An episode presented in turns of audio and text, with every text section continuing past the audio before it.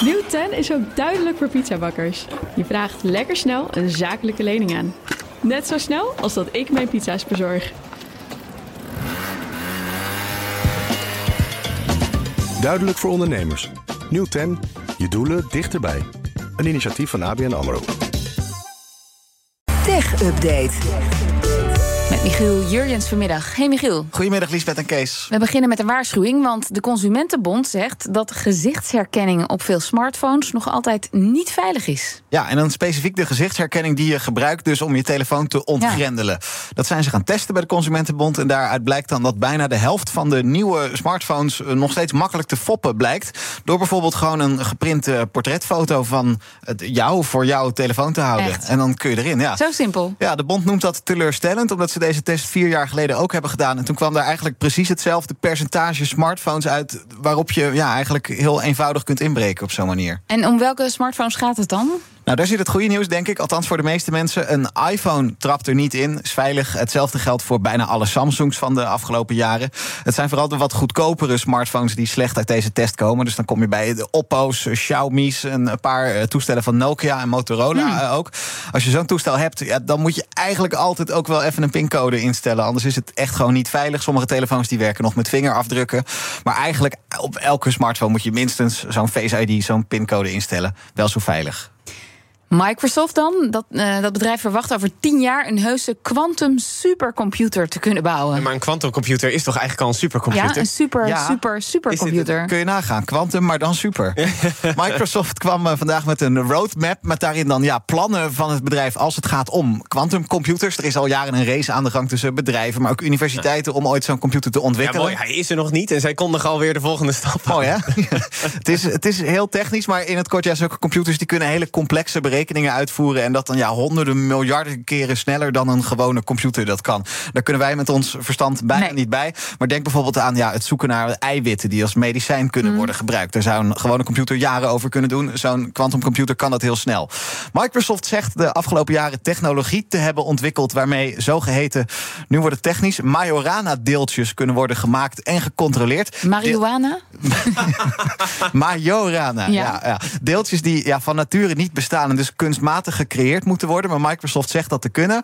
En daarbij werkt een quantumcomputer met nog een moeilijk woord, namelijk qubits.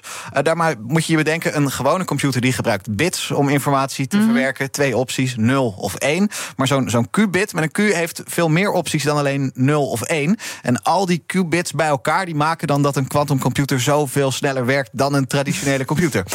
Het is ingewikkeld. Ik hoop niet dat je door wilde vragen, want eh, dan kom ik er niet uit. Maar bij Microsoft allemaal af, ja. hebben ze er dus vertrouwen in. En zij willen dus dat de quantum supercomputer over tien jaar ongeveer een feit is. En een beroemd en berucht knuffeldier uit de jaren 90 maakt een comeback. Ja, What's that? een beetje een grote overgang naar quantumtechnologie, weet ik. Furby, echt joh? Furby.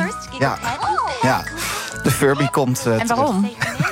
Nou, ehm, Hasbro, dat is dat speelgoedconcern dat erachter zit, de Furby. Die kondigen hem vandaag aan. Groot verhaal daarover bij eh, CNN ook. Die pakken er groot mee uit. De Furby bestaat 25 jaar. Kwam voor het eerst op de markt in 1998. In drie jaar tijd zijn er toen wereldwijd 40 miljoen van verkocht. Vind ik een heel eng idee. 40 miljoen Furbies bij elkaar.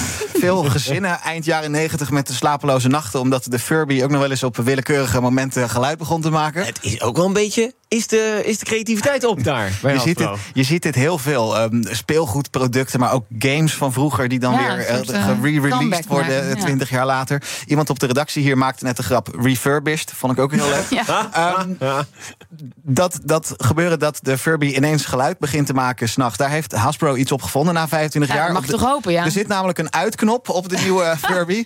En voor de rest, ja, het zijn nog steeds die vrolijke, pluizige beestjes... eh, per direct op Amazon verkrijgbaar voor heel veel geld. 70 dollar. Nou, en het is nu dan 25 jaar later, dus hij zal wel iets meer kunnen. Met een soort app of zo, die Furby. Smart Furby. De Smart Furby. Nou, dat is het opvallende. Niet dus. Nou, er kom staat op. op. de doos staat in koeienletters not connected to the internet. Ah. Ehm, en dat zal fijn zijn voor ouders die bang zijn dat ze met de Furby een soort spionageapparaat in huis halen. Het is wel eens geprobeerd. In 2016 had je de Furby Connect. Die had dan Bluetooth ondersteuning. Dat is een ontzettende flop geworden. Dat wilde niemand hebben.